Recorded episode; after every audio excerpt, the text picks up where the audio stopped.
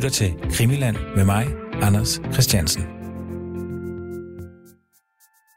I denne udsendelse, der vender vi tilbage til den svenske våbenfabrikant Bofors.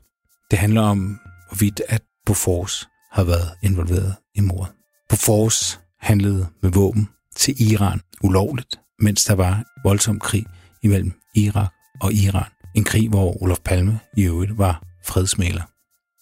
Og helt særligt i dagens afsnit, så har jeg to gæster på en gang. Jeg har nemlig både hushistoriker Anders Aarhus og dokumentarist Christian Kirk Muff med. Rigtig god fornøjelse. Det blev total förvirring här. Är det verkligen Olof Palme som är skjuten? Ja. Det är det. Och han är död? Ja, Eller han är inte dödförklarad, men han är inte dödförklarad men det kan man väl nästan säga. Okej. Statsminister Olof Palme är död. Han mördades mitt i centrala Stockholm strax efter klockan 11 igår kväll. Olof Palme och hans hustru Lisbeth hade lämnat biografen i 35-årsåldern Så, nu tror, det, nu tror jeg, det lykkes. Uh, I kan da lige hilse på hinanden. Ja, goddag Christian. Goddag, Anders.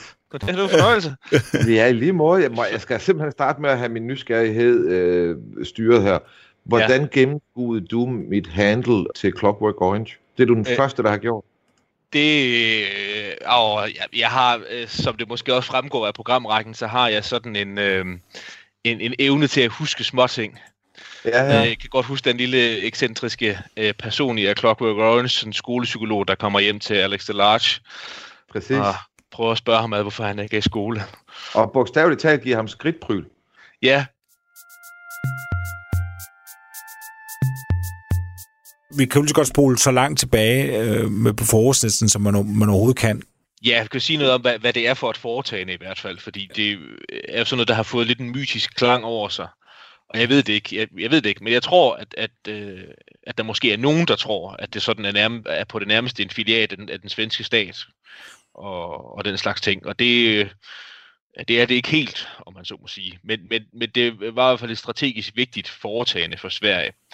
Og sådan industrihistorisk var, var det noget, der var begyndt som... Øh, det var meget praktisk. De var begyndt med at lave altså et, et, altså jern, jernmalm i første omgang. Mm. Den her ganske særlige øh, øh, brugskultur, altså brugskultur.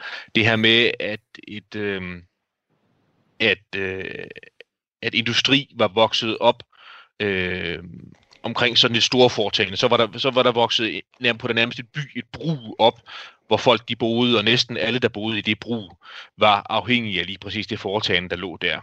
Og det lå så i Karlskoga, stort set lige midt i, ah, ikke helt midt i Sverige, Sverige er et langt land, men nogenlunde midt i Sverige. Øhm, og, og begyndte så som, som jernværk, og så øh, takket være øh, Alfred Nobel også et, et krudtværk. Og i og med, at man lavede, øh, både havde mulighed for sådan støberi og lave jern og lave krudt på samme tid, så var det jo så også nærliggende også øh, at lave, lave kanoner militært i sin kram. Og det gjorde Bofors så også. Øhm, og i øh, største part af det 20. århundrede var det jo til det svenske forsvar, de leverede våben, Mm. øh, kanoner.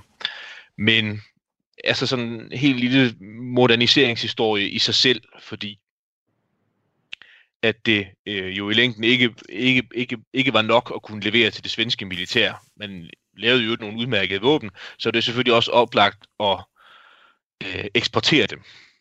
Ja. Og i hvert fald fra øh, 60'erne og 70'erne frem efter, slog Bofors ind på eksportvejen. Blandt andet fordi, at øh, efterspørgselen i Sverige, det var, var i sagens natur begrænset, hvorimod at øh, den globale efterspørgsel efter kvalitetsvåben jo var stor. Mm. Så fra 60'erne og 70'erne s- slog Bofors ind på at blive sådan en, en, en global aktør i forhold til våbeneksport. Øhm, og så den forudsætningerne for at eksportere våben var lidt specielle i Sverige, fordi Sverige var jo et, et neutralt land øh, og befandt sig hverken i, i Vest- eller Østblokken.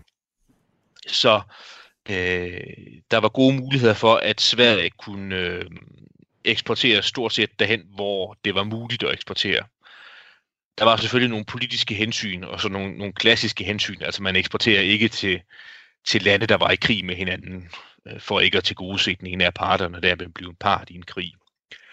Øh, reguleringen af det i Sverige øh, tog også udgangspunkt i, at man ikke ville, ville øh, eksportere til lande, der undertrykkede deres egen befolkning. Men mm. det var jo sådan, kan godt i visse sammenhænge være svært at, sådan at afgøre, hvad, hvad det vil sige sådan endegyldigt. Og det, det førte til, det er øh, der, hvor den her sammenblanding af Bofors og den svenske stat kommer ind, fordi der var sådan noget altså korporatistisk over det, at det var øh, embedsmænd, der bestemte, hvor Bofors kunne få lov at, øh, at eksportere våben hen. En, øh, en, det, det sorterede under Handelsministeriet, en, en krigsmaterielinspektør, blandt, der var flere af dem, men der var en ledende krigsmaterielinspektør, der kunne afgøre, som skulle behandle ansøgninger om at få lov at eksportere våben til bestemte lande. Mm. Så det, det er sådan de grundlæggende forudsætninger, og der så er der selvfølgelig nogle grundlæggende øh, forudsætninger for, hvordan, hvordan man kan drive øh, forretning, når man handler våben og handler våben på, på, på, på det globale marked. Øh, også handler øh, med lande, hvor ja, forretningsstrukturen, beslutningsstrukturen ikke er så gennemsigtig, som den er i et vestligt land. Det var også sådan en evindelige udfordring, der var. Ja. Og der nævne, nævne nogle eksempler på, hvor, hvor, hvor, det kommer, øh, hvor det kommer ind i billedet. Altså, nogle af de lande, hvor Bofors forsøgte at eksportere til, det var for eksempel til Mellemøsten og til Fjernøsten, altså til Asien.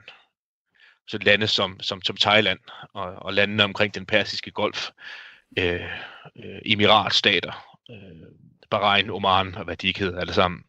At det er sådan nogle lande, man forsøgte at, øh, at, at få eksporteret til, Øh, og det var jo dels lande, hvor, hvor hele den her interessekonflikt kom, kom ind i billedet, altså øh, i hvilken grad, man skulle så afgøre i hvilken grad øh, Thailand for eksempel, hvordan under, altså undertrykte man befolkningen i Thailand, og i hvilket omfang gjorde man det, og, og i hvilket omfang kunne man så få eksport eksporttilladelser til Thailand. Mm. Og det viser så allerede fra omkring 1980, at, at det her forhold gav anledning til nogle problemer. Øhm, nogle af de tidligere afsløringer galt blandt andet, at øh, fordi man ikke kunne få lov at eksportere til Thailand, så havde man eksporteret til Thailand via Singapore. Og øh, det viser også, at man havde fået øh, lejlighed til at eksportere til Oman, altså en af de her mindre golfstater hvor, hvor det også var grund til at overveje, om, øh, om det var lande, der sådan faldt ind for, for rammerne af det, jeg har skitseret før. Ja. Jeg skal bare lige forstå en ting. Altså, i forhold til økonomien i, i alt det her med Bofors, så er det vel at betragte som en privat virksomhed. Og, og altså, staten, de kan regulere og sige, når I må eksportere til dem, og, men ikke til dem. Men man kan sige, profitten og dem, der har gavn af det, det er vel ikke den svenske stat, altså direkte. Nej, ikke direkte, fordi det der hele tiden var, øh, var, var en del øh, af aspektet det, øh, i, i forhold til det, det var, at, at, øh, at Bofors lå i det, man vel godt kan kalde sådan et udkantsområde af Sverige.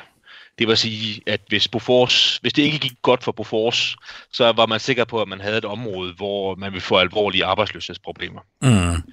Og så var det også sådan i, øh, i Sverige i 70'erne og 80'erne, som det var i Danmark i øvrigt også, så den politisk problemstilling, vi på det nærmeste har glemt, men så det med handelsbalanceproblemer. Altså det vil sige at, at sikre sig valutaindtægter øh, og få dækning for, for, for, for, for, for, for importen ved eksport. Det, det var jo også meget afgørende i, i Sverige i 70'erne og 80'erne, hvor man havde nogle meget betydelige handelsbalanceunderskud.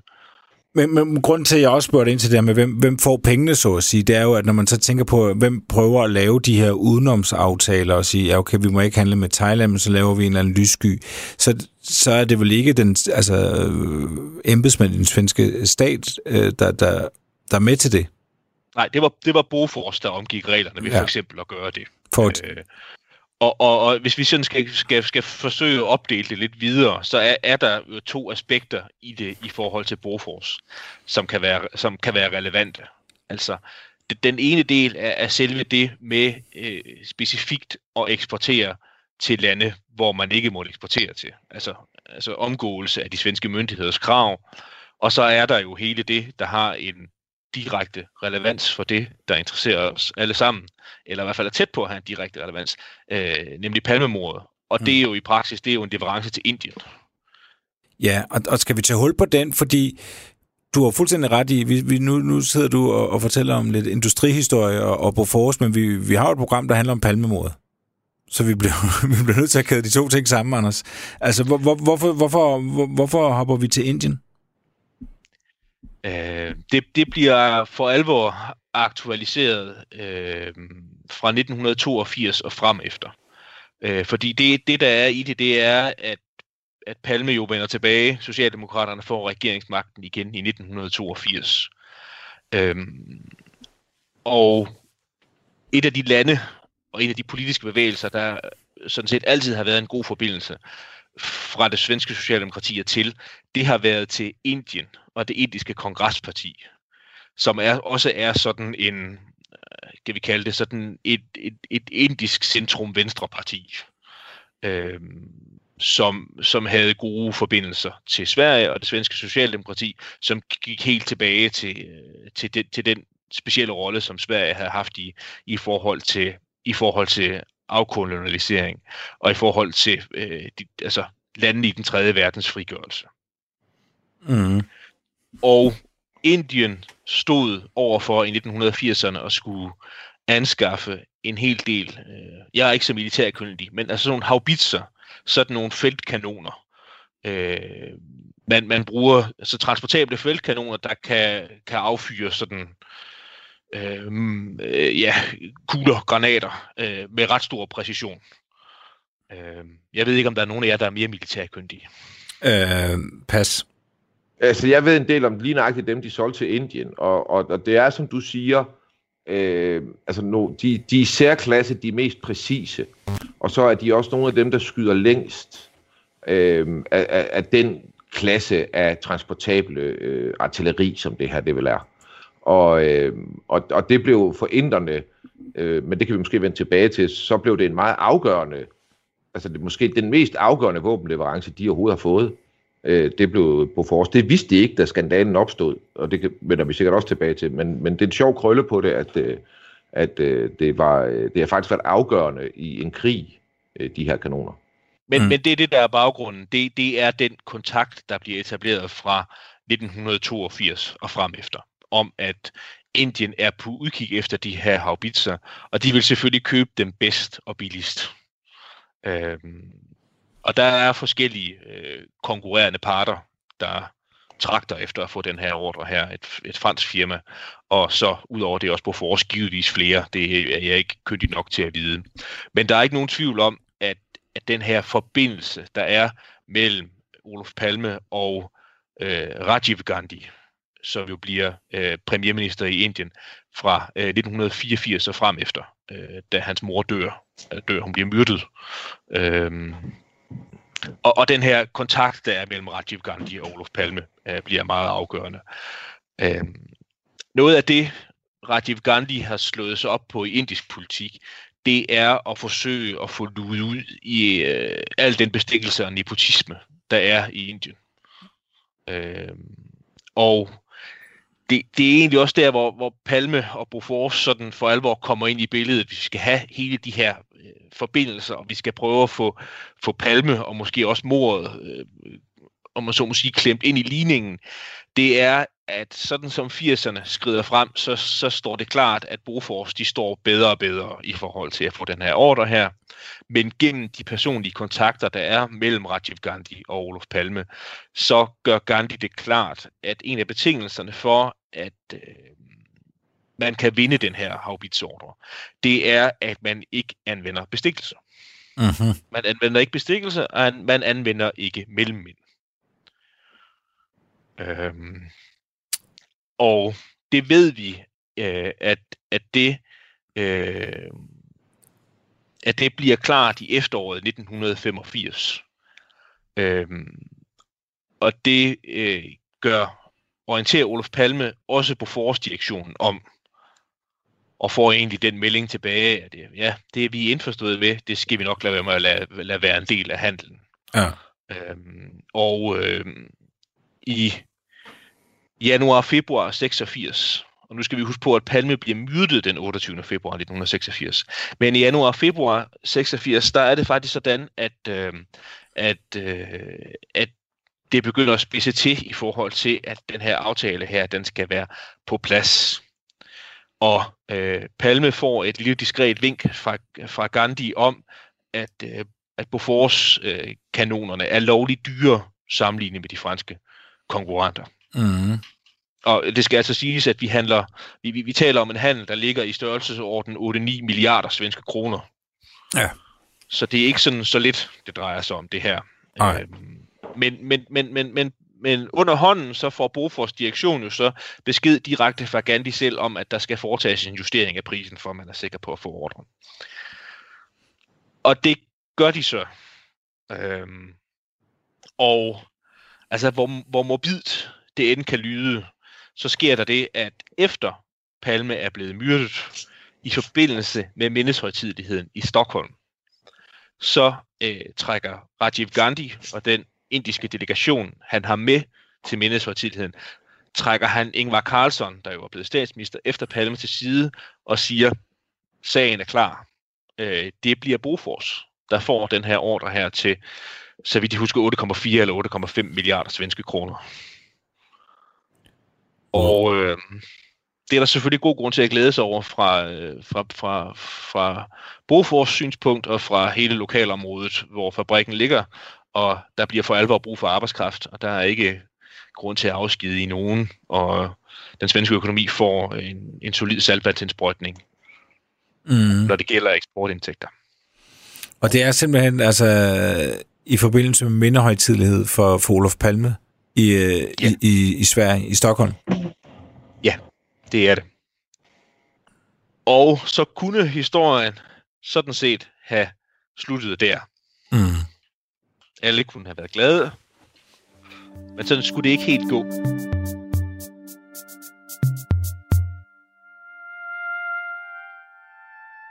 Det er sådan, så øh, pressen begynder at interessere sig for, øh, hvordan og hvorledes den her handel her, den er kommet i stand.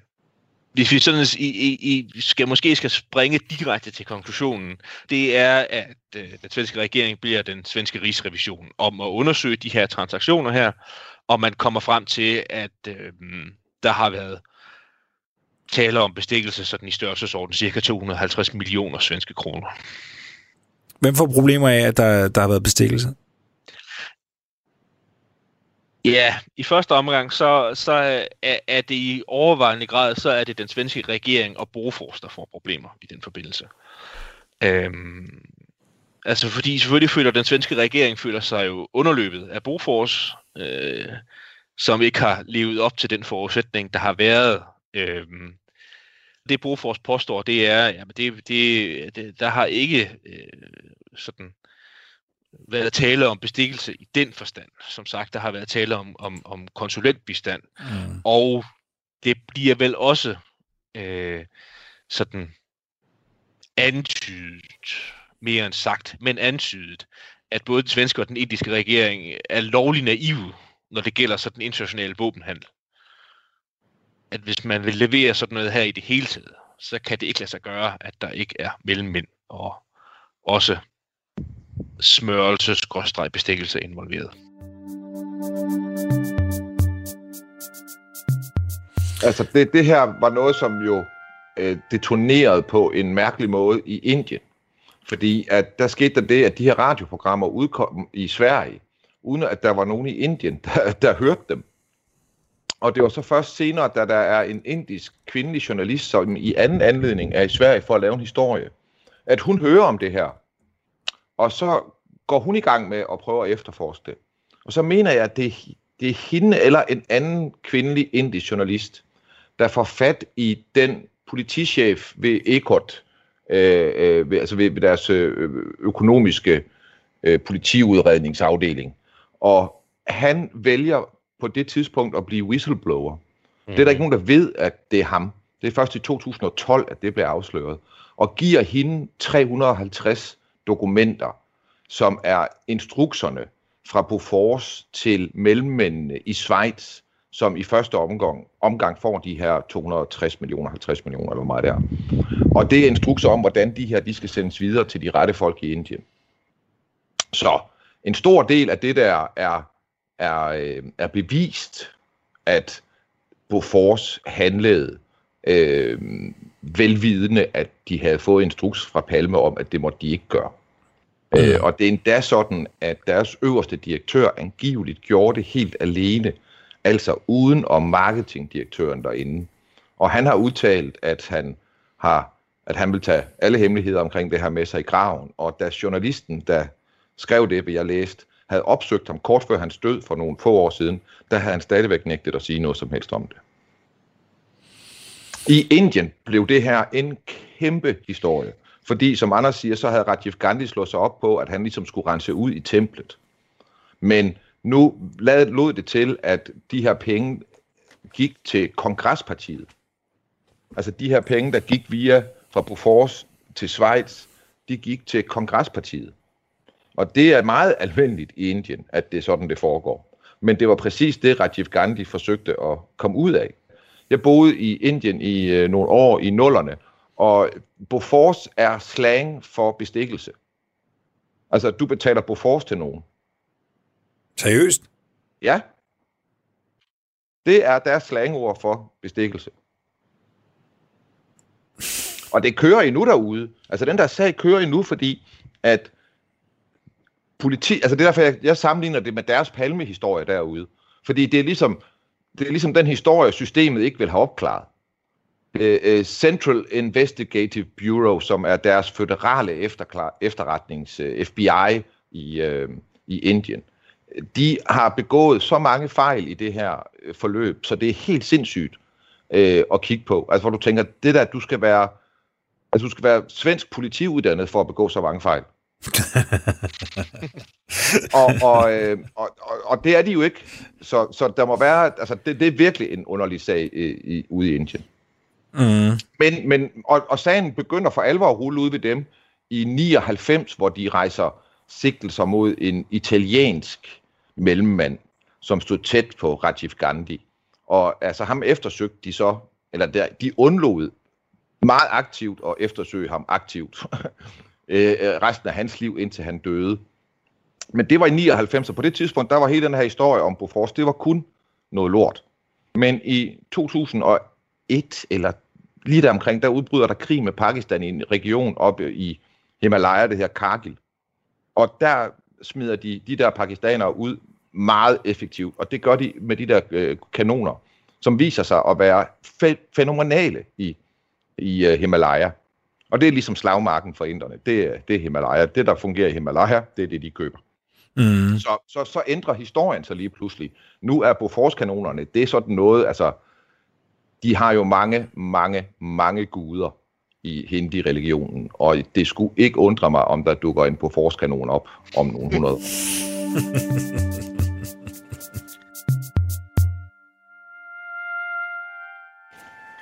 Altså, det er jo de to reneste får i det internationale samfund på det her tidspunkt. Rajiv Gandhi og Palme.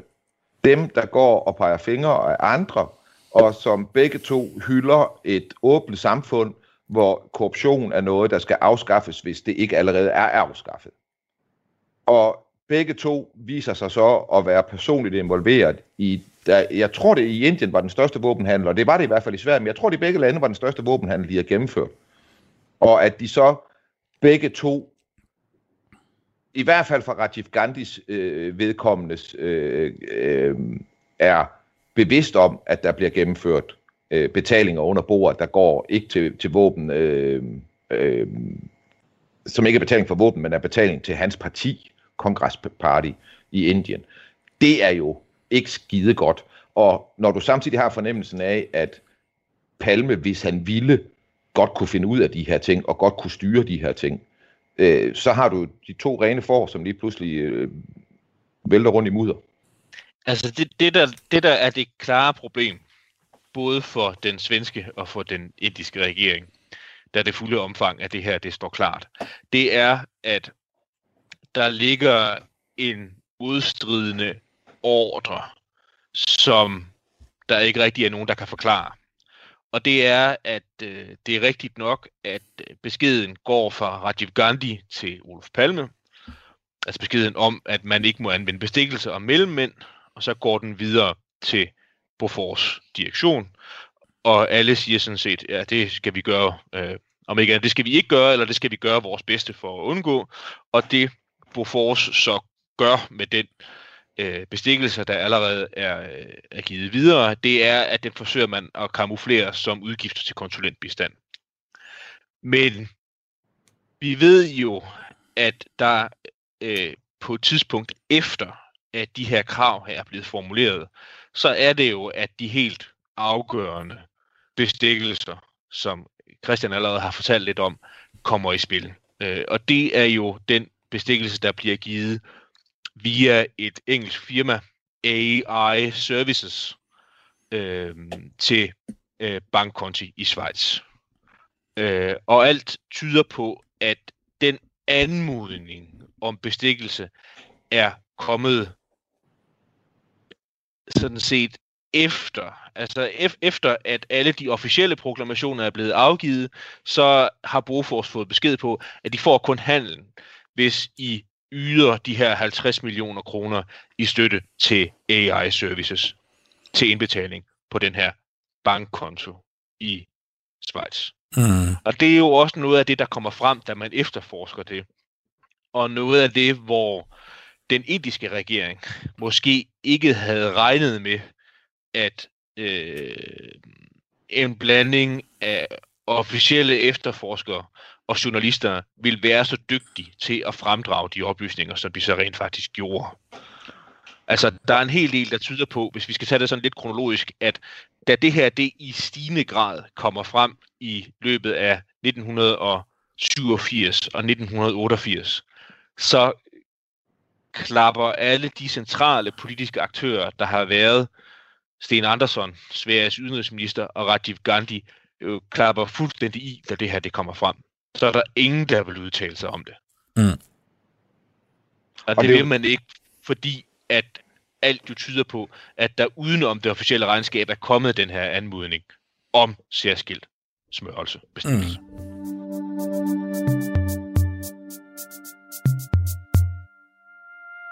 når Palme og Sverige har et problem med den her sag, så er det jo fordi, at øh, altså nu er det ikke for at blive sådan helt QAnon konspiratorisk og så videre, så er det jo fordi, der er så mange ting, der ikke hænger sammen, og så er det jo også fordi, at den våbeninspektør, der var ansat af Palme, og, og som øh, Anders refererede til tidligere, var dem, der ligesom afgjorde, hvor der måtte sælges våben hen. Øh, han var så uheldig og faldt ud foran et S-tog, øh, jeg mener det er lige starten af 87. Øh, og det vil sige, altså i månederne inden det her det bliver afsløret øh, og kommer ud i pressen, øh, der omkommer han. Føreren af S-toget bevidner, at han faldt med ryggen først ned på sporet. Det var der flere andre vidner, der også bevidner. Der var også vidner, der sagde, at han blev skubbet, og øh, politiet kunne ikke opklare noget som helst. Altså, det er jo det Karl Frederik Algernon, som var det, det, det begreb, vi har anvendt før, som har, var krigsmaterieleinspektør. Altså det vil sige, en af de embedsmænd, der arbejdede øh, med øh, de her tilladelser til eksport af våben. Det havde han været fra 81 til da han døde ganske rigtigt i januar 1987. Øhm, det, det stod aldrig helt klart, hvor meget Algernon vidste om Indien-ordren. Altså, øh, hans død havde nok i højere grad tilknytning til øh, de øh, ulovlige øh, våbeneksporter, der havde været til landene i den arabiske verden, altså den persiske golf. Men han, han var vidne om øh, altså alle de her øh, hvordan den svenske regering og hvordan Olof Palme var knyttet til det he, hele det her altså kompleks i forhold til, øh, til eksport af våben og alle de her politiske interesser, der gik ind over de her, øh, de her forhold her. Så på det her tidspunkt, ja, handlen er gennemført i marts 86. Ikke? Der bliver papirerne skrevet under med Bofors. Men så er der på det tidspunkt er der, no, er der flere, der klager, øh, også i det svenske landsting. Og det, noget af det, som man ikke må, øh, ifølge svensk øh, politik på det her tidspunkt, det er at sælge til lande, som du siger, øh, undertrykker deres egen befolkning, eller som ikke overholder menneskerettighederne. Og i forhold til Indien, der havde Algernon kigget ind i, øh, hvad hedder det, Kashmir-spørgsmålet. Og det skulle han rapportere omkring i ugerne efter, hvad han havde fundet frem til omkring Indiens ageren i Kashmir. Og man kan sige meget om Indien, og, og det er et fantastisk land, også et fantastisk demokrati, men menneskerettighederne i Kashmir, det har ikke været højt på dagsordenen. Så, så, øh, så der var også, han var knyttet til Indien, øh, og var i gang med at kigge på Bofors spørgsmål, så vidt jeg har forstået det. Ja, sådan har jeg, sådan har jeg også forstået det. Altså, men man, man havde jo hans øh, altså, de papirer, arbejdsdokumenter, øh, han, Algernon arbejdede med på det tidspunkt, da han døde. Ja. Og der, der var det begge spørgsmål, han arbejdede med. Men, men... Øh, altså, vi får aldrig at vide øh, dels, om Algernon begik selvmord, eller om han blev myrdet, og, og dels ikke, uanset hvilke tilfælde, hvor, hvorfor han gjorde det i nogle af tilfældene.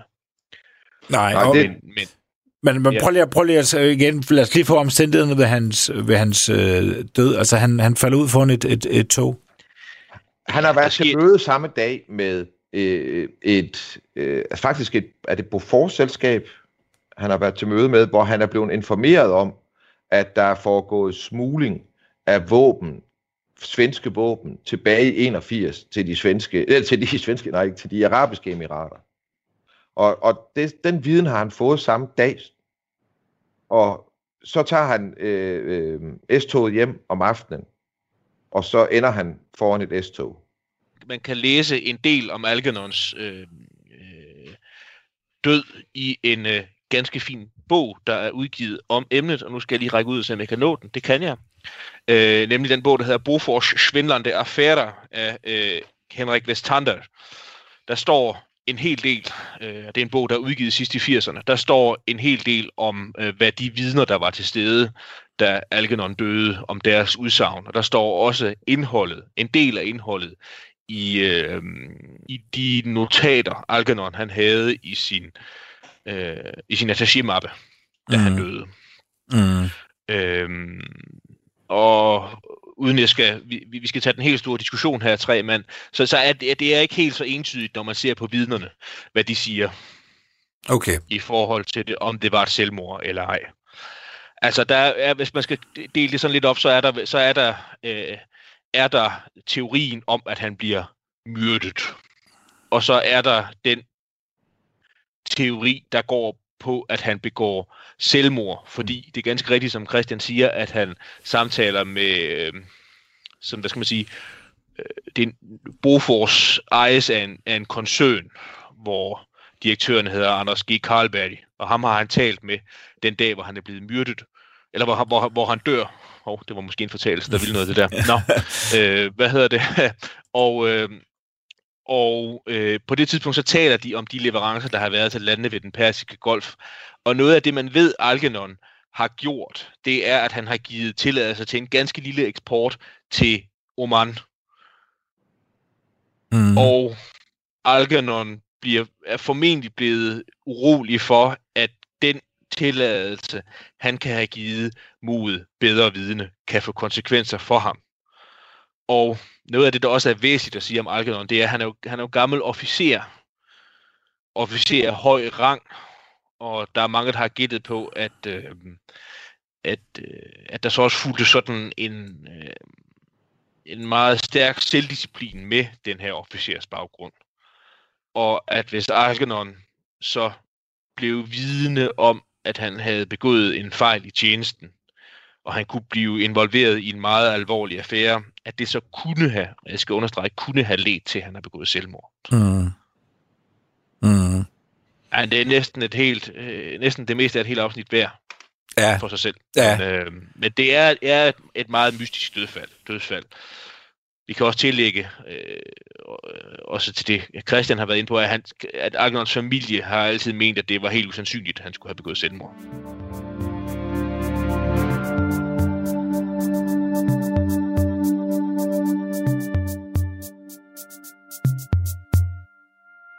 Det er jo interessant sådan at se på, hvor øh, Olof Palme øh, og muligvis også mordet kommer ind i alt det her. Mm. Øhm, og det, jeg vil mene, der øh, er øh, det allervæsentligste i, i den her scene, det er øh, den mand, som Christian også allerede har været lidt inde på før, som nok er nøglefiguren i forhold til det. Det er øh, Martin Artbo. Mm. Og øh, Artbo var øh, på det her tidspunkt, hvor vi taler sidst i 80'erne, var han øh, sådan en slags, hvad skal vi kalde det, øh, først salgschef, og så senere administrerende direktør for Bofors. Altså det var ham, der havde været administrerende direktør, da øh, handlen kom på plads i 1986. Mm. Øh, og det var også ham, der i 1985-86 havde kontakten til Olof Palme i forhold til at få den her handel her sikkert i land. Og det er også fra hans private papirer, at vi ved, at der er om ikke andet nogle implikationer i retning af Olof Palme selv. Og det, det, det der sker, det er, at der øh, efterforskningen er i gang der i 1987-88. Der noget af det, man blandt andet renser, det er, at man renser Artbos private hjem. Et ret statligt betænkeligt, men man gør det på et tidspunkt, hvor han ikke er hjemme. Det er der jo ikke noget at gøre ved. Men det gjorde man, og man sikrede sig alle de, øh, de papirer, som Artbo havde. Og han havde øh, delt en masse af de øh, dokumenter, hvor man kunne bevise de her øh, overførsler af bestikkelsespenge til blandt andet Schweiz. Dem havde han liggende, der havde han simpelthen originaldokumenterne privat. Og så havde han også sine notater. En eller anden form for, hvad skal vi kalde det, dagbog, antekniksbog, notatbog, notesbog, vil man nok kalde det på dansk. Og i den, der stod der øh, blandt andet, at det skulle vist næsten stå ordret, at Palmes indblanding i hele den her affære med, hvordan den øh, eksportordre til Indien kom i stand, og hvordan bestikkelserne kom i stand, kunne lede til, at den svenske regering måtte falde, og der kom valg i Sverige. Okay. Øh, og der er ikke nogen tvivl om, bare lige for at slå den krølle på før, at Artbo han har været i et personligt dilemma i januar fem, februar 1986. Altså mens Palme stadig lever, og handlen den er ble, ved at blive øh, afsluttet. Øhm, fordi på den ene side, så som sagt, så, så kommer der den her anmodning om at få udbetalt penge til AI Services, og den forspørgsel kan vi jo lige så godt sige lige ud, at den må komme fra Indien, altså fra den indiske regering. Øhm, på den anden side, så ved vi jo, at han samtaler så sent som i januar 86, der samtaler Artbo med Palme om handlen, og de taler om, at der ikke skal være bestikkelse involveret. Og Artbos helt personlige dilemma har selvfølgelig været, at på den ene side, så har han været nødt til at gøre gode miner til slet spil over for Palme og sige, nej, naturligvis ikke, vi gør, som der er aftalt. På den anden side, så har han selvfølgelig også været nødt til at efterkomme den her anmodning her fra den indiske regering om at overføre de her bestikkelsespenge her. Mm. Det vil sige, at han kan ikke sidde i januar 86 og fortælle Palme om, at, at, øh, at de jo fortsætter med at udbetale bestikkelsespenge, øh, fordi det er jo den indiske regering, der har anmodet om det, og skal han nu vide det, og det det hele selvfølgelig peger i retning af, det er, at Artbo jo formentlig har satset på, at det hele vil være glemt, når Mm. mm. ordren er afsluttet. Så vil alle være glade, og der vil ikke være nogen som helst, der vil rode i det her. Mm. Og der vil slet ikke være, være den her person i kobling med, at Palme, så at sige, bliver myrdet midt i det hele. Altså, bliver myrdet nogen, nogen, altså, i forbindelse med, at man er ved at lægge sidste hånd på handlen, og man kan offentliggøre i, øh, i, øh, i marts 86, øh, kan man offentliggøre, at, øh, at det lykkes for Bofors at få den her ordre her. Mm. Og det sidste, der er at sige om Artbo, det er selvfølgelig, at han er jo han levede mange år efter. Han døde i 2004, så det er ikke så forfærdeligt længe siden, at han døde. Øhm, og øhm, man, og når jeg siger man, så både svenske efterforskere, men også øh, indiske efterforskere, forsøgte selvfølgelig at få ham til med alle midler at afkode de her lidt kryptiske henvisninger, der er, og dem var der jo et flere af i Artbos notesbog. Men han var ikke sådan specielt meddelsom om det. Øh, skulle have sagt på et tidspunkt, øh, da han sådan for alvor blev gået på klingen, hvis nok er svensk politi i forhold til det, at øh, at sagt, han vil ikke fortælle noget. Jeg tager de politiske aspekter af det her med mig i graven, skulle han have sagt ordret. Mm. Og det gjorde han jo så også.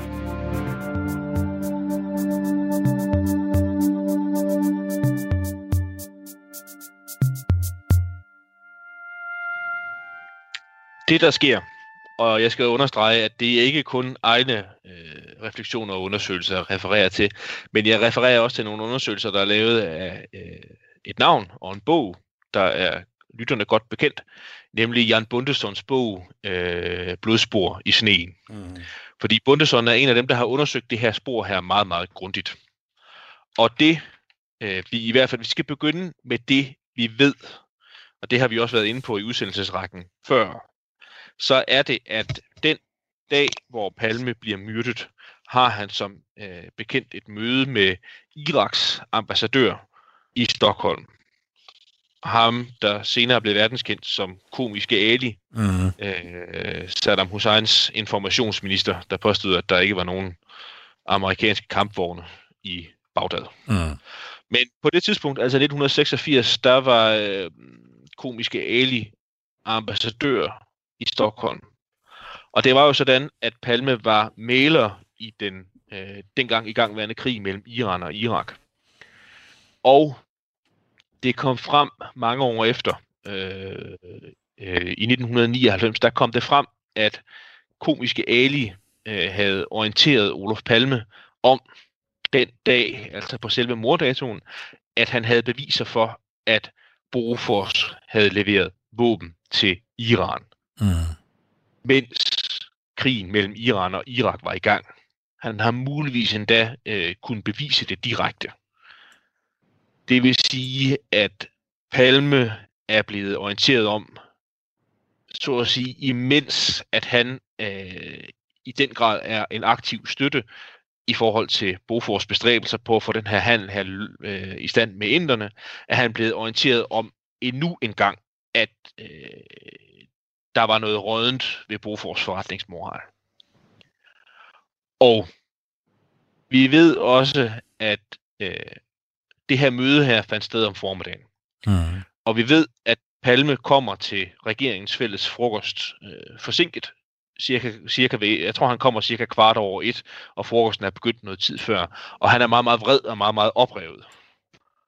Han har haft mødet med komiske Ali om formiddagen, hvor han har fået de her oplysninger her. Og så er der faktisk et tidsrum, hvor vi ikke er helt klar over, hvad han laver. Og nu går vi fra det, vi ved, til det, der er blevet gættet på. Og det, der er blevet gættet på, det er, at Palme har kontaktet Bofors, efter han har fået oplysningerne.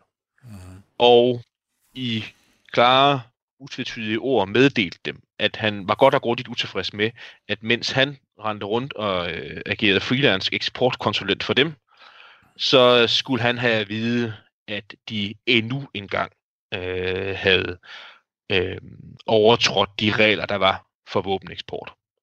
Og måske endda have tilføjet, at han var godt og grundigt i tvivl om, om han skulle fortsætte med at støtte de her bestræbelser på, at de skulle sælge til Indien. Altså det vil sige i praksis trække sin støtte til, at ordren kom i stand.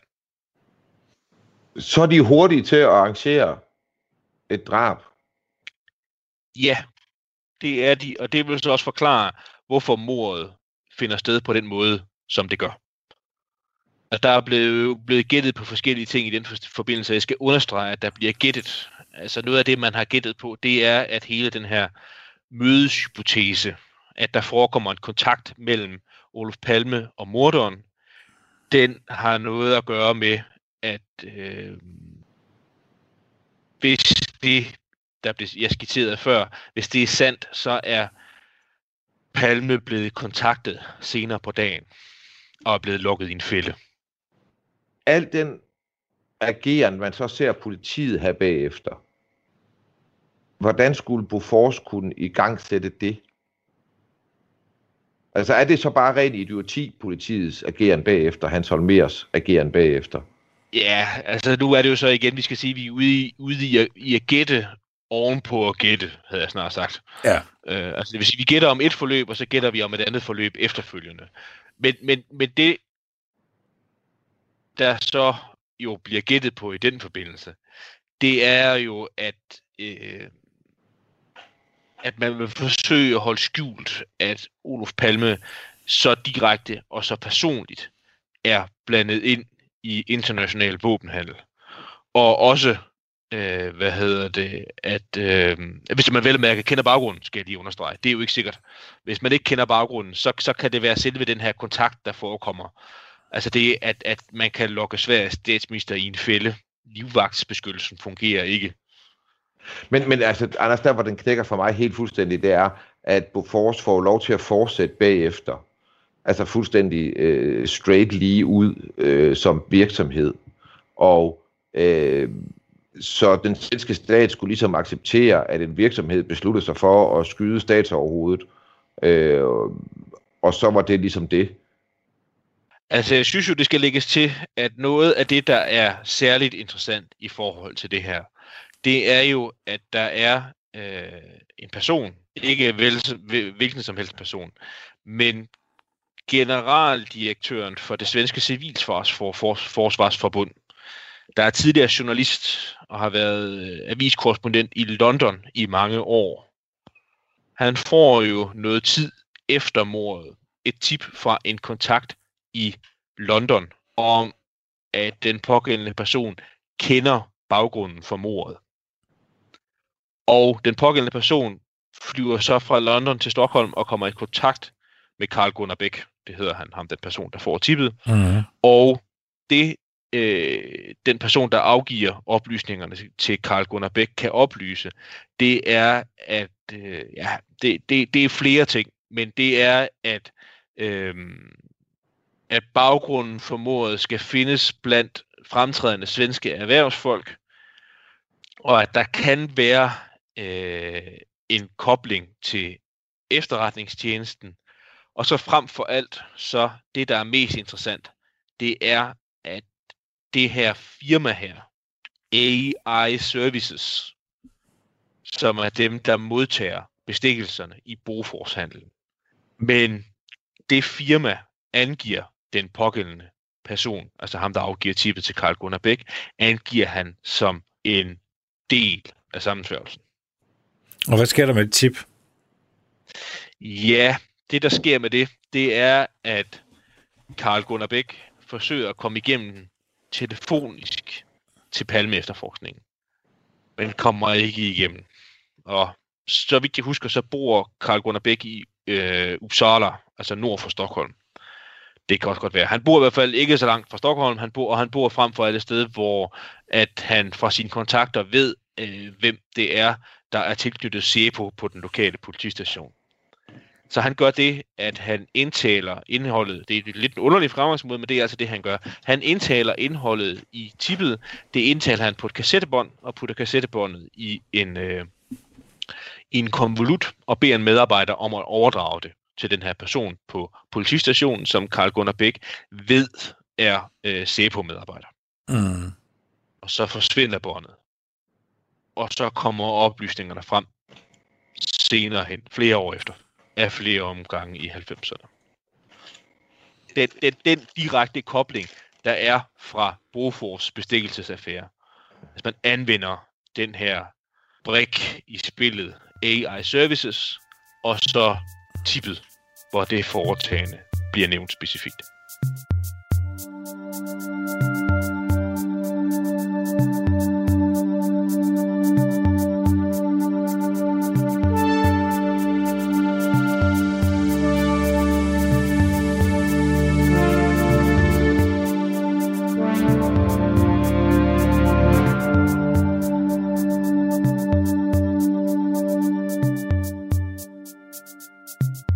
Programmet er produceret af Wingman Media for Radio 4.